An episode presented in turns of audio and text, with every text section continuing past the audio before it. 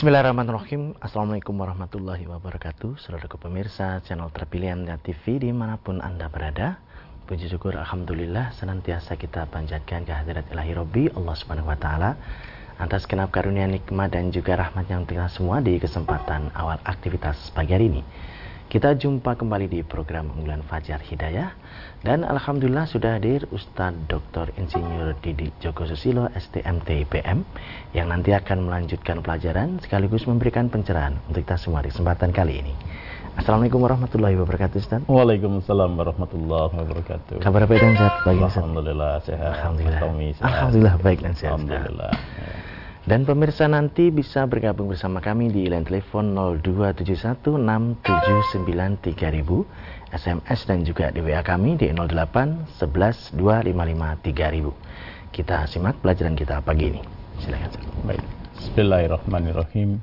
Innal hamdalillah nahmaduhu wa nasta'inuhu wa nastaghfiruh wa na'udzubillahi min syururi anfusina wa min sayyiati a'malina may yahdihillahu fala mudhillalah wa may yudlil fala hadiyalah satu alla ilaha illallah wahdahu la syarikalah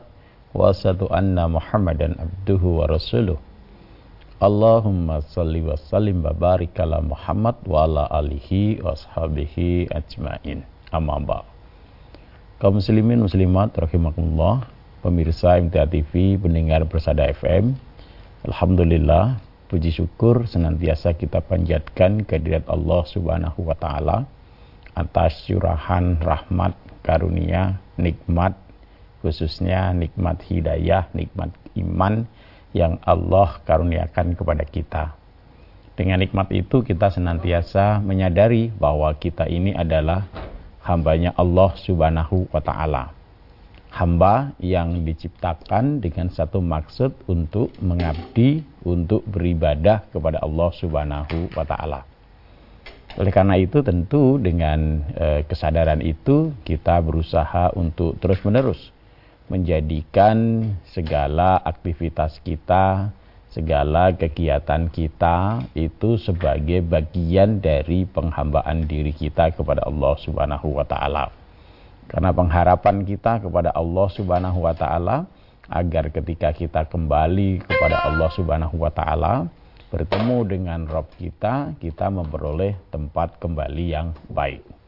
Termasuk pada pagi hari ini kita bertemu lagi untuk senantiasa merenungkan, memikirkan petunjuk-petunjuk Allah. Merenungkan apa yang kita lakukan, apakah uh, yang kita lakukan ini sudah menjadi uh, atau sudah mengikuti petunjuk-petunjuk yang Allah Subhanahu wa taala berikan kepada kita. Karena hanya orang-orang yang di dalam kehidupan di dunia ini mengikuti petunjuk-petunjuk Allah Subhanahu wa taala, itulah yang nanti memperoleh tempat kembali yang baik di sisi Allah, di jannahnya Allah Subhanahu wa taala.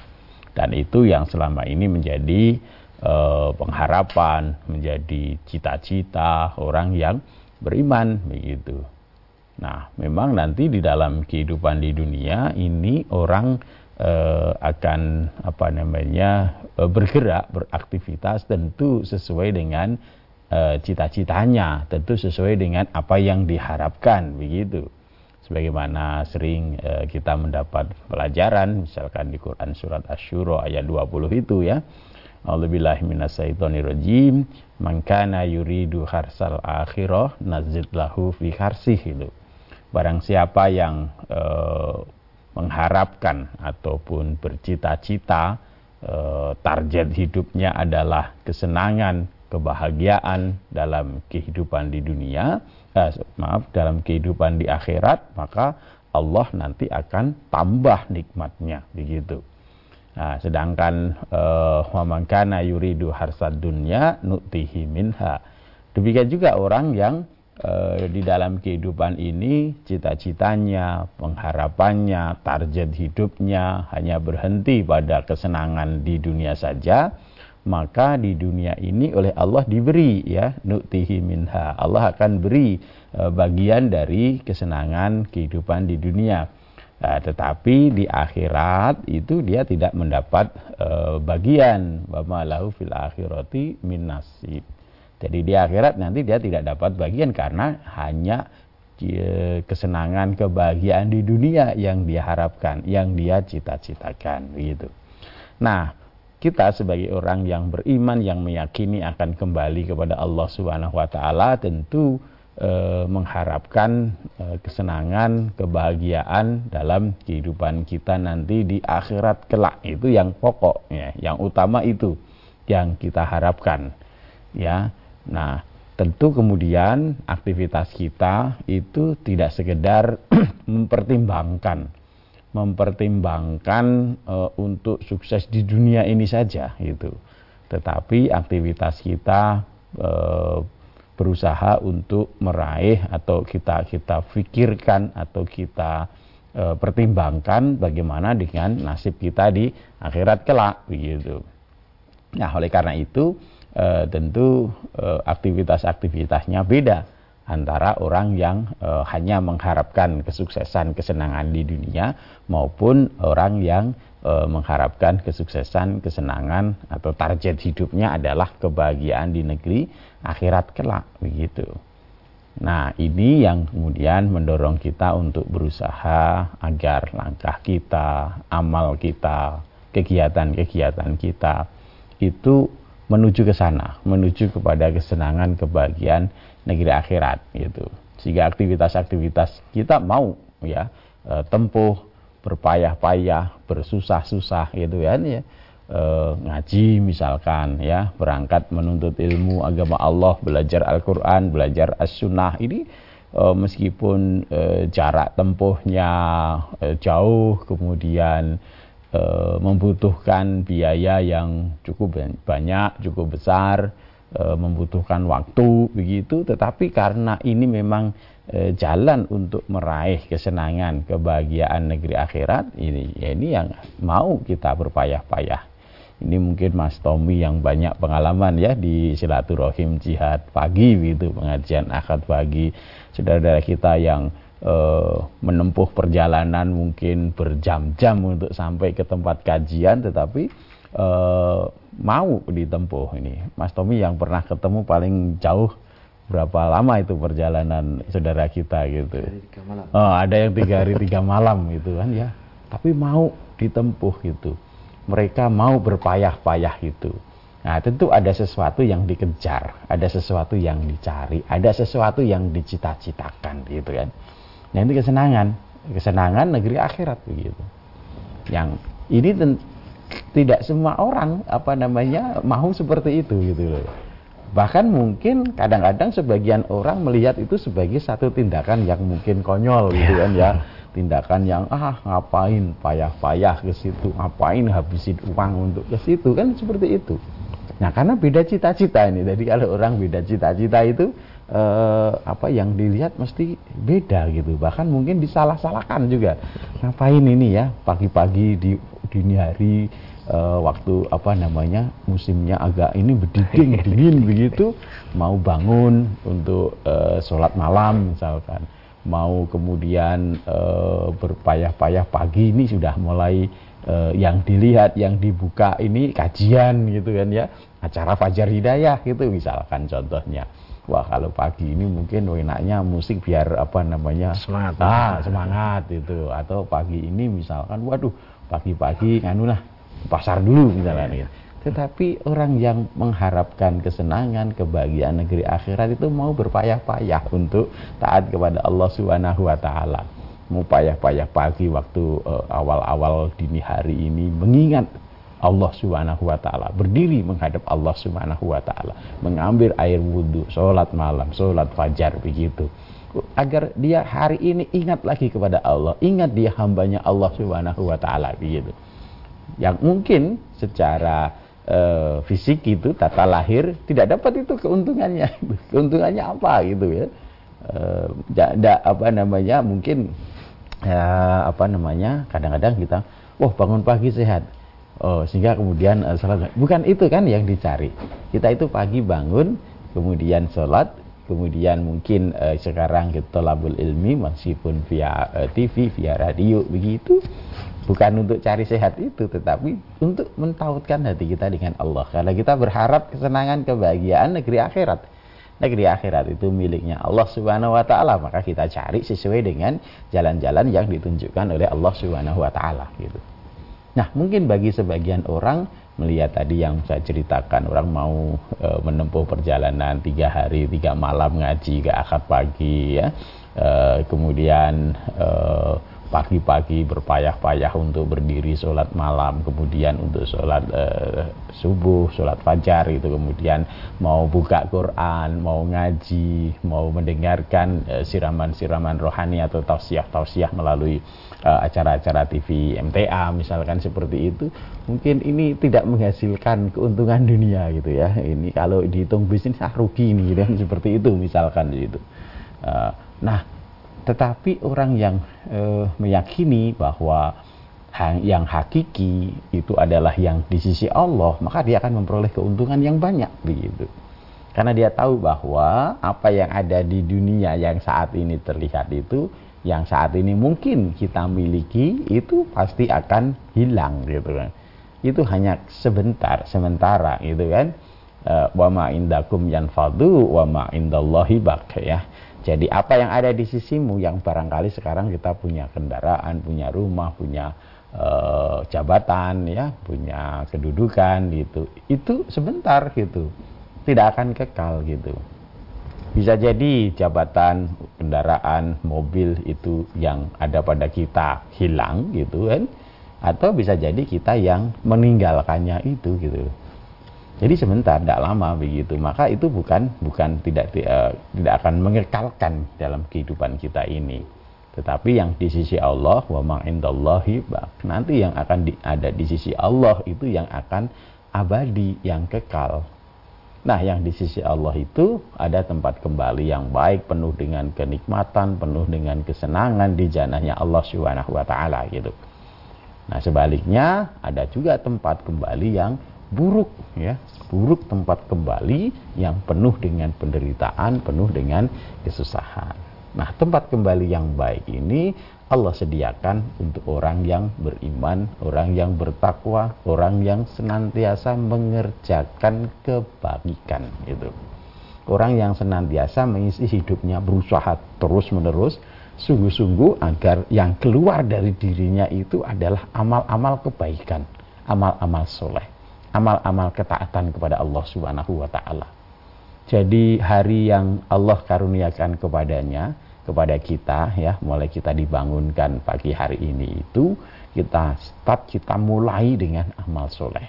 Mulai dengan bangun memuji Allah Subhanahu wa taala, mulai dengan menegakkan sholat untuk mengingat Allah Subhanahu wa taala, mulai dengan membuka petunjuk Allah di dalam uh, Quran. Misalkan mulai dengan baca Quran, mulai harinya dengan mendengarkan kajian tausiah agar teringat terus apa yang harus dilakukan, sikap apa yang harus diambil, pilihan apa yang harus diambil hari ini gitu. Kemudian nanti ketika berangkat beraktivitas di aktivitasnya masing-masing, ada yang petani, ada yang e, pekerja, ada yang e, pegawai dan seterusnya, itu kemudian tetap ingat, saya ini hambanya Allah, saya diciptakan untuk mengabdi kepada Allah. Maka di dalam aktivitas pekerjaan dia jadikan itu lillah untuk Allah Subhanahu wa taala. Maka dia jalani sesuai dengan petunjuk Allah. Yang pedagang dia berjaga agar tidak curang, agar tidak mengurangi takaran, mengurangi timbangan, begitu. Yang pegawai dia berusaha agar uh, pekerjaannya itu dia kerjakan dengan hasil yang terbaik dengan segenap kemampuannya, gitu. Yang uh, apa namanya pejabat dia berusaha agar uh, amanah yang dibebankan pada dirinya dia tunaikan dengan baik, dengan tidak khianat, dengan tidak berbuat dolim, begitu. Karena dia ingat bahwa dia akan kembali kepada Allah dan di sisi ke, e, ketika kembali kepada Allah di sana ada e, pertanggungjawaban. Di sana akan ditanya apa yang e, dia lakukan terhadap nikmat yang selama ini diberikan. Begitu terus. Jadi tidak hanya sekedar e, mencari kesenangan, keuntungan di dalam kehidupan di dunia ini saja, gitu. Maka ketika kemudian aktivitasnya disandarkan ke sana, bisa jadi tadi ya yang saya katakan orang melihat bahwa wah ini uh, apa namanya kalau dihitung-hitung rugi gitu kan. Rugi dalam kehidupan di dunia mungkin seperti itu gitu. Karena memang cita-citanya bukan kesenangan kebahagiaan dalam kehidupan di dunia tetapi kesenangan kebahagiaan di akhirat gitu.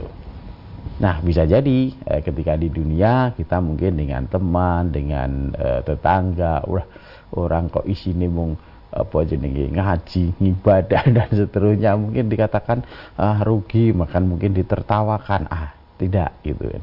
Kita yakin bahwa ketika kembali kepada Allah Subhanahu wa taala, orang yang beriman, orang yang bertakwa itulah yang beruntung. Meskipun bisa jadi ketika kita di dunia kita ditertawakan oleh orang-orang yang hanya memikirkan kesenangan kehidupan di e, dunia ini saja gitu. Dan fenomena ini juga sudah diungkapkan oleh Allah Subhanahu wa taala ya. Kita bisa baca di Quran surat uh, Al-Mutaffifin ayat 29 Allah berfirman di situ innalladzina ajramu kanu minalladzina amanu yathakun. Ya, sesungguhnya orang-orang yang berdosa, orang yang tidak mikir halal, tidak mikir haram, orang yang tidak percaya kepada kehidupan akhirat ya, yang dia visi misi hidupnya hanya kesenangan kehidupan di dunia ini saja, maka melihat orang-orang yang tadi mau berpayah-payah menempuh jarak yang jauh, waktu yang lama, biaya yang besar untuk mendekatkan diri kepada Allah dengan ngaji, orang yang mau kemudian berpayah-payah di sepertiga malam yang akhir bangun, orang yang mau berpayah-payah menginfakkan sebagian hartanya di jalan Allah, itu ditertawakan gitu ya.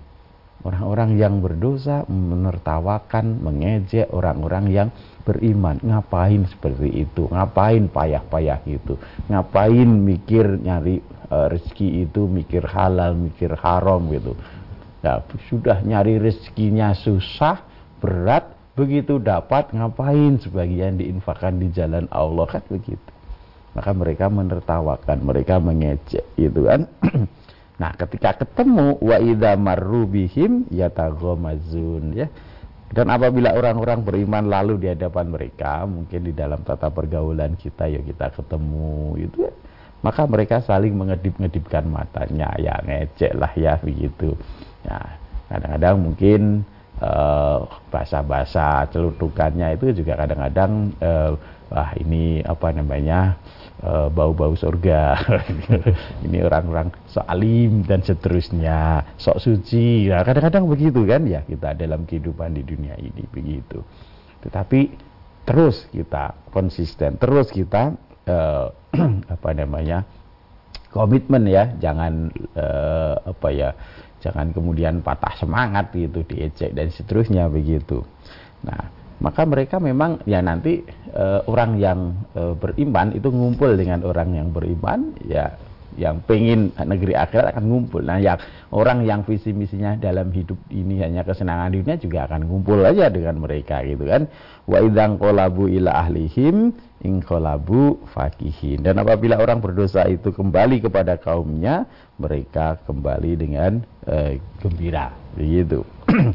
Nah, mereka melihat orang-orang yang serius, sungguh-sungguh dalam mengaji, sungguh-sungguh dalam ketaatan kepada Allah Subhanahu wa taala, e, memikirkan e, negeri akhirat. Nah, bahasa mereka ngapain mikir negeri akhirat begitu kan yang nggak kelihatan, yang belum jelas dan seterusnya mungkin karena mereka keimanan tidak ada.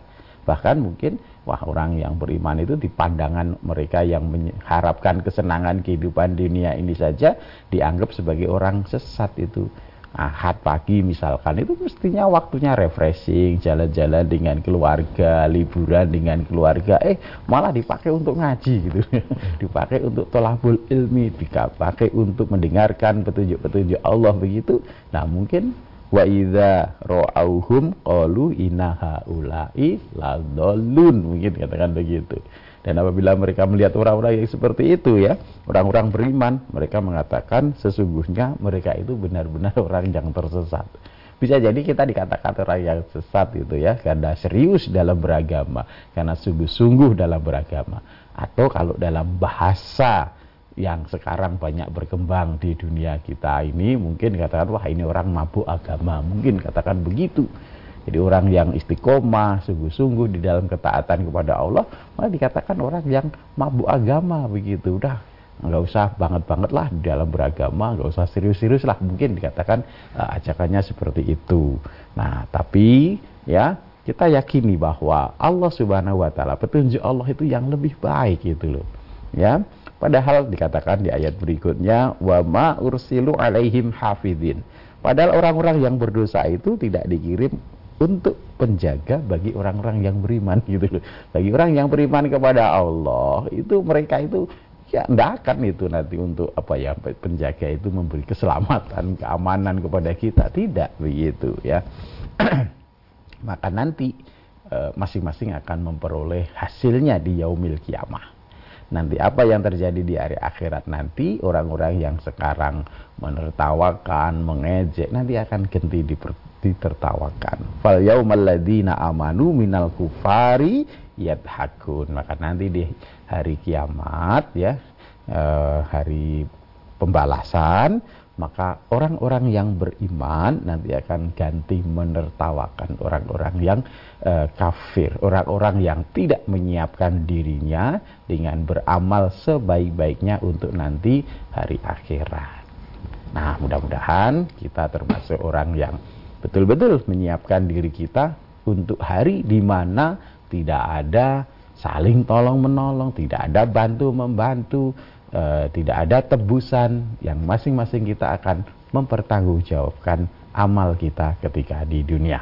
Mudah-mudahan kita termasuk golongan yang beriman, yang bertakwa, yang diselamatkan oleh Allah Subhanahu wa taala. Ya. Demikian mudah-mudahan bermanfaat untuk kita bersama. Ya. Baik pemirsa, kami harapkan Anda bisa bergabung bersama kami di line telepon 02716793000 SMS dan juga di WA kami di 08 11 255 3000. Namun sebelumnya kita akan simak beberapa informasi dalam rangkaian jeda pariwara berikut ini. Baik saudaraku pemirsa channel terpilih MTA TV di mana pun Anda berada, terima kasih Anda masih setia bersama kami khususnya di program unggulan Fajar Hidayah pagi ini. Kesempatan pertama kami persilakan di line telepon 02716793000 untuk bisa bergabung. Ya, baik saat kita bacakan yang ada di WA terlebih dahulu dari Pak Bapak Malik di Sukarjo. Hmm. Apakah benar Ustaz sudah terjadi kesalahpahaman dalam masyarakat kita bahwasanya tidak ada bulan Asyura itu. Yang ada hanyalah hari Asyura, hari yang ke-10 di bulan Muharram. Enggak. Mohon tausiahnya Ustaz. Enggak. enggak, enggak, enggak ada itu kesalahpahaman gitu ya. Jadi e, kalau bulannya kan bulan Muharram ya, bulan e, dalam bahasa Arab ini e, kita ini bulan e, masuk di sekarang ini sedang berada di bulan Muharram. Bulan yang pertama dalam e, penanggalan e, Hijriah itu e, bulan Muharram. Itu kalau dalam e, di bulan Jawa itu dikatakan bulan Suro itu, Suro itu. Jadi e, kalau di masyarakat Jawa itu penanggalan ini e, disebut bulan e, Suro. Kalau di dalam kalender e, Hijriah Arab itu ya e, bulan Muharram. Memang Asyuro itu ya hari ke-10 di bulan Muharram. Kalau dalam bahasa Jawa ya e, hari ke-10 di bulan Suro gitu. Nanti bulan kalau ke-9-nya Tasua ya Tasua gitu. Jadi tidak ada e, apa namanya Eh, kesalahpahaman ya memang kalau menurut uh, penamaan bulan di bulan uh, di menurut kalender hijriah di Arab ya Muharram begitu. Kalau orang Jawa kita itu menyebutnya bulan Suro seperti itu. Gitu ya. Ya, baik. Berikutnya dari Bapak Supri di Wonosobo. Ustadz setiap bulan Suro mengadakan selamatan dengan hmm. nanggap wayang. Bolehkah yang demikian? Dan untuk dalnya itu kita urunan. Nah, jadi eh, ketika bicara tentang selamat, bahagia, sukses, celaka dan seterusnya, tentu harus disandarkan kepada eh, petunjuk-petunjuk eh, Allah Subhanahu wa taala begitu. Kita dan contoh dari Rasulullah Shallallahu Alaihi Wasallam. Kita tidak boleh ngen sendiri ya, ngarang-ngarang sendiri ya, supaya selamat maka dilakukan begini, supaya selamat dilakukan begini, itu tidak boleh begitu. Kalau tadi misalkan nanggap wayangnya untuk mencari keselamatan, itu ya tidak boleh begitu. Ya, Artinya kita menganggap satu kegiatan dengan melakukan satu kegiatan itu memperoleh keselamatan di sisi Allah Subhanahu wa taala begitu. Itu yang keyakinan-keyakinan yang tidak boleh. Jadi di dalam kita isti'anah memohon pertolongan kepada Allah Subhanahu wa taala tentu harus mengikuti contoh-contoh yang diberikan oleh Rasulullah sallallahu alaihi wasallam begitu. Nah, e, jadi Allah itu tidak mau disekutukan, tidak mau di uh, apa ya, di uh, disaingi, ditandingi begitu, tidak boleh. Syirik ini sejak Nabi Shallallahu alaihi wasallam diutus itu e, diberantas gitu. Tidak boleh e, orang pada saat itu e, zaman jahiliyah mencari keselamatan dengan perantaraan macam-macam gitu ya, untuk mendekatkan diri kepada Allah dengan perantara kegiatan nyembelih ini nyembelih itu dan seterusnya. Itu tidak boleh gitu. Dan ini sangat e, tegas begitu.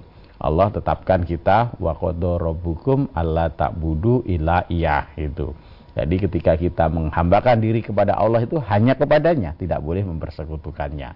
Kalau kita mempersekutukan Allah itu, Allah katakan batal amal kita, begitu. Lain asrokta layak batona amaluka. Kalau kamu mempersekutukan Allah maka amalmu batal semua, begitu. Nah, kalau nanggap wayang, wayang itu bagian dari e, budaya, bagian dari seni, gitu kalau nanggap wayang sebagai bagian dari hiburan, bagian dari seni, kesenian, bagian dari budaya, tidak apa-apa, tidak masalah begitu. Tetapi kalau menyandarkan bahwa kampung ini tidak akan selamat kalau tidak nanggap wayang. Nah, seperti itu itu yang tidak boleh gitu. Itu yang e, membawa e, unsur keyakinan yang tidak betul gitu. Tapi kalau wayang bagian seni ini saya misalkan Agustusan kita nanggap wayang untuk hiburan itu malah tidak mengapa seperti itu karena e, wayang nanggap wayang itu urusan keduniaan begitu. Kalau urusan keduniaan selama tidak ada yang e, apa namanya menyimpang dari e, petunjuk Allah, petunjuk Rasul, tidak ada larangannya ya silahkan boleh saja. Tapi kalau tadi yang ditanyakan nanggap wayang untuk keselamatan, nah itu yang tidak boleh. Demikian ya. Ya, baik. Di line telepon kami persilakan 6793000. Halo, Assalamualaikum. Waalaikumsalam warahmatullahi wabarakatuh. Dengan siapa di mana Bapak? Dengan Bapak Paiman di Purwokerto. Bapak Paiman di Purwokerto, silakan. Eh, bagaimana untuk memahami ketika di, ketika wudhu di saat mengambil ketika berkumur-kumur mm -hmm. bersamaan dengan menghirup. Mm -hmm air apa memisahkan Ustaz. Hmm. Demikian. Mungkin bisa kami. Iya, iya, iya, paham. Nggih, matur suwun. Assalamualaikum warahmatullahi wabarakatuh. Waalaikumsalam warahmatullahi wabarakatuh. Nggih.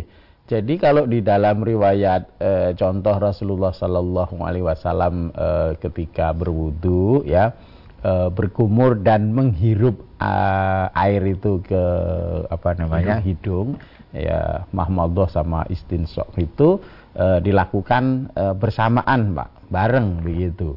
Jadi bukan sendiri-sendiri begitu. Jadi ambil air di dalam e, tapak tangan itu kemudian dipakai untuk wudhu ini kan ya.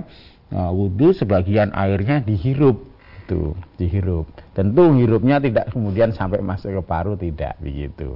Nah, itu itu apa namanya e, bu, bisa dilakukan itu. Nanti coba dilatih, dipraktekkan nggak apa-apa. Jadi bukan uh, kumur sendiri kemudian membersihkan hidung sendiri tidak, tapi itu uh, me, apa namanya mengumpulkan air dalam telapak tangan kemudian di, di, dipakai untuk berkumur dan sebagian dihisap uh, ke hidung begitu. Nah, tentu kemudian ya, dikeluarkan lagi ya tidak dihisap sampai kemudian dimasukkan ke paru tidak. Insya Allah bisa itu bapak dilatih dilakukan begitu. Uh, dan uh, kalau apa namanya uh, ada ada satu terapi juga memang memasukkan air ke hidung itu dengan alat suntik itu ya. Saya lupa itu eh, namanya istilahnya apa begitu. Jadi dimasukkan di salah satu lubang nanti akan keluar di lubang satunya lagi begitu Nah, tapi kalau kembali yang tadi ditanyakan itu e, berkumur dan memasukkan atau menghirup air ke hidung itu e, dilakukan dengan tadi Bapak ngambil satu apa namanya air dalam satu tapak tangan itu kemudian dipakai untuk berkumur dan dihirup. Bisa insya Allah Bapak. Baik. Pertanyaan berikutnya dari Ibu Ratih di Sukoharjo. Mohon nasihatnya Ustadz ketika dulu saya bekerja, saya bisa mengeluarkan zakat dua setengah persen. Dan ketika pandemi, saya lengser dari kerja. Hmm. Sekarang saya hanya berjualan kecil-kecilan dan hasilnya tidak menentu. Tidak bisa mencukupi kebutuhan, sehingga tidak bisa mengeluarkan zakat yang dua setengah persen tadi. Apalagi saya masih harus melanjutkan yang sudah terlanjur berjalan rasanya itu ngos-ngosan Ustaz. Mohon hmm. nasihatnya. Iya, yeah, ya memang ayat Allah begitu ya, Ibu. Jadi Ibu ini malah sudah merasakan ya apa yang Allah uh, tetapkan di dalam uh, kehidupan ini kan begitu.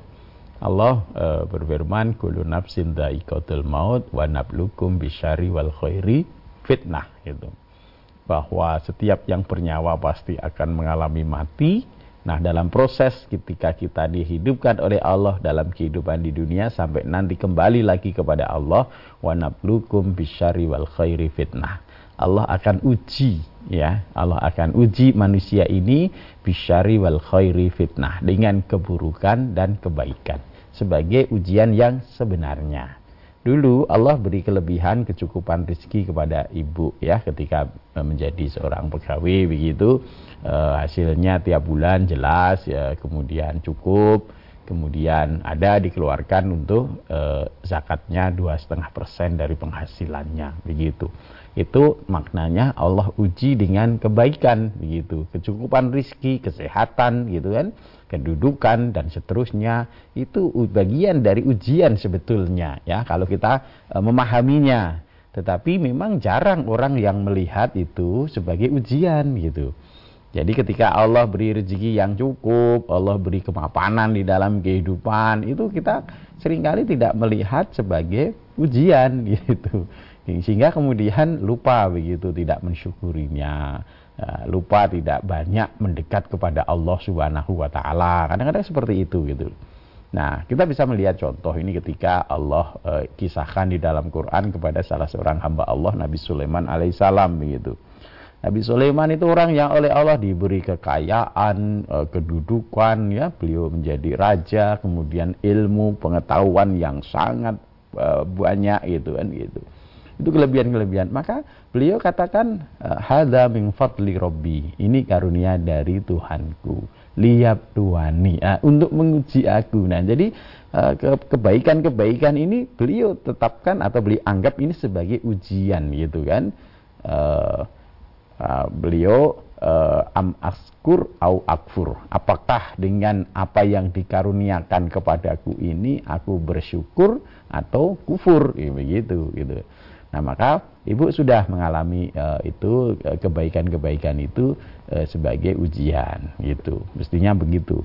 Nah, tetapi sekarang uh, mungkin karena pandemi kemudian ada pengurangan pegawai, uh, kemudian uh, berhenti bekerja uh, dari uh, pabrik, kemudian uh, berusaha berjualan tadi. Nah, ternyata ketika berjual hasilnya sedikit gitu ya. Nah, ini membenarkan uh, ayat Allah Subhanahu wa taala wala nabluwannakum bisyai'im minal khaufi wal ju'i wa naqsim minal amwali wal anfus gitu. Bahwa memang sungguh manusia itu akan diuji Ibu ya. Uh, dengan uh, rasa takut ya minal khauf wal ju rasa lapar wa naqsim minal amwal dan wal anfus dan kekurangan harta dan uh, jiwa seperti itu. Nah, termasuk saat ini mungkin yang sedang ibu hadapi adalah kekurangan harta begitu. Karena mungkin kebutuhan ibu selama ini sudah tertentu sekian. Bahkan tadi apa tadi ada yang harus di teruskan. Ah, teruskan. Mungkin ada apa ya tanggungan. Ah, mungkin ada tanggungan yang harus dibayar dan seterusnya. Sementara hasilnya sekarang kalau namanya jualan kan tidak menentu gitu. Kadang dapat kadang enggak dan seterusnya. Maka tentu kemudian kita kembali kepada petunjuk dari Nabi Shallallahu Alaihi Wasallam. Allah memberikan uh, kepada orang-orang yang beriman kepada Allah Subhanahu Wa Taala itu uh, dua sikap yang kalau ada pada kita maka nanti urusan kita tetap menjadi baik gitu kan tidak peduli kurang atau lebihnya harta yang ada pada kita, keadaan kita, sehat atau sakit yang ada pada kita, kalau kita bisa sikapi dengan dua hal ini, uh, tentu akan menjadi kebaikan untuk kita. Ajaban li amril mukmin. Urusan orang-orang beriman itu sangat mengagumkan, sangat luar biasa. Inna amrohu kullahu lahu uh, khair. Jadi sesungguhnya segala urusannya itu menjadi baik bagi dirinya gitu kan ya uh, dan dan ini hanya untuk orang-orang yang beriman walaisa dalika li ahadin illa lil mukmin. Jadi tidak ada untuk uh, orang kecuali orang yang beriman begitu. Nah, apa itu kan begitu kan ya yang Allah berikan kepada kita melalui uh, apa namanya Rasulnya Nabi Muhammad Sallallahu Alaihi Wasallam ya ida asobat husarohu syakaro ketika dia menerima sesuatu yang menyenangkan sesuatu yang membahagiakan sesuatu kecukupan dan seterusnya maka dia senantiasa bersyukur. Nah bersyukur. Mensikapi kebaikan, kenikmatan, mensikapi kelebihan itu disyukuri di, sebagai bagian dari apa yang Allah anugerahkan. Tidak sombong begitu, tidak merasa cukup, tetapi tetap ketika memperoleh kebaikan-kebaikan itu menyebut nama Allah, mengingat Allah, bersyukur kepada Allah. Ingat bahwa ini adalah pemberian karunia dari Allah Subhanahu wa taala, bukan sekedar dari kerja kerasnya, bukan sekedar dari ilmunya, bukan sekedar dari pinter bisnisnya dan seterusnya, tetapi ini karunia Allah, ini Allah tetapkan, Allah berikan kepada saya, maka bersyukur kepada Allah begitu. Maka ini jadi baik itu, jadi hamba yang bersyukur kepada Allah. Nah sebaliknya, wa idza asobat hudorou sobaro. Kalau dia menerima sesuatu yang tidak menyenangkan, menyusahkan, kekurangan, dia selalu berlaku sobar. Sabar tetap dalam ketaatan kepada Allah sabar tetap menyebut Allah Subhanahu wa taala, datang memohon kepada Allah Subhanahu wa taala, mengadukan masalahnya kepada Allah Subhanahu wa taala. Maka ini juga nanti akan jadi kebaikan begitu. Tidak kemudian gersulo, tidak kemudian menyalahkan Allah, apalagi menyalahkan tadi wah gara-gara saya dipecat, gara-gara saya dikeluarkan dari perusahaan, saya sekarang ekonominya sulit dan seterusnya begitu tidak. Tetapi sikapi ini sebagai bagian dari Allah menguji kita, Allah ingin menaikkan derajat kita, Allah ingin e, membersihkan kita dari kesalahan-kesalahan kita, maka terus bersabar. Kalau dulu karena penghasilannya cukup sehingga kemudian dikeluarkan zakatnya, kalau sekarang untuk memenuhi kebutuhan hidupnya kurang, tentu kemudian tidak keluarkan zakatnya. Ya tidak mengapa karena memang tidak cukup begitu. Karena apa yang dikeluarkan itu adalah yang lebih dari penghasilan kita. Tetapi jiwa semangat ya keinginan untuk mengeluarkan harta di jalan Allah itu kalau benar-benar orang yang beriman, orang-orang yang bertakwa dalam keadaan apa pun itu jiwanya senangnya itu memberi, tidak suka meminta. Gitu. Ketika di surat Ali Imran ayat 133 gitu, Allah sebutkan karakter orang yang bertakwa, alladzina yunfikuna fis syarra'i wad yaitu orang-orang yang mau menafkahkan hartanya baik di waktu lapang maupun di waktu sempit itu. Ini artinya apa? Artinya ini karakter itu. Jadi kalau orang memberikan hartanya di waktu lapang, hartanya banyak, rizkinya banyak itu biasa. Tetapi kalau kemudian di waktu sempit dia tetap menjadi bagian dari orang yang senang memberi, orang yang senang berinfak, maka itulah orang-orang yang benar-benar bertakwa. Maka ibu mudah-mudahan bisa tetap sabar di dalam ujian Allah Subhanahu wa taala di dalam kekurangan harta ini. Sekali lagi di awal kita sudah sampaikan bahwa kita orang yang beriman kepada Allah, cita-cita hidupnya itu, target hidupnya itu tidak hanya senang cukup di dunia ini saja, tetapi kesenangan kebahagiaan negeri akhirat. Kesenangan kebahagiaan negeri akhirat hanya Allah berikan kepada orang-orang yang beriman dan bertakwa kepada Allah Subhanahu wa taala. Demikian Ibu. Ya. Baik Ustadz, kami sampaikan terima kasih atas pelajarannya di pagi ini. Assalamualaikum warahmatullahi wabarakatuh. Waalaikumsalam warahmatullahi wabarakatuh. Baik saudaraku pemirsa channel terpilih MTA TV di mana pun Anda berada. Demikian tadi telah kita simak dan ikuti bersama program unggulan Fajar Hidayah pagi ini. Kita jumpa kembali di kesempatan mendatang dan saya Tami Al-Fatoni pamit undur. Alhamdulillah alamin subhanakallahumma wa bihamdika asyhadu alla ilaha illa anta astaghfiruka wa atubu ilaik. Assalamualaikum warahmatullahi wabarakatuh.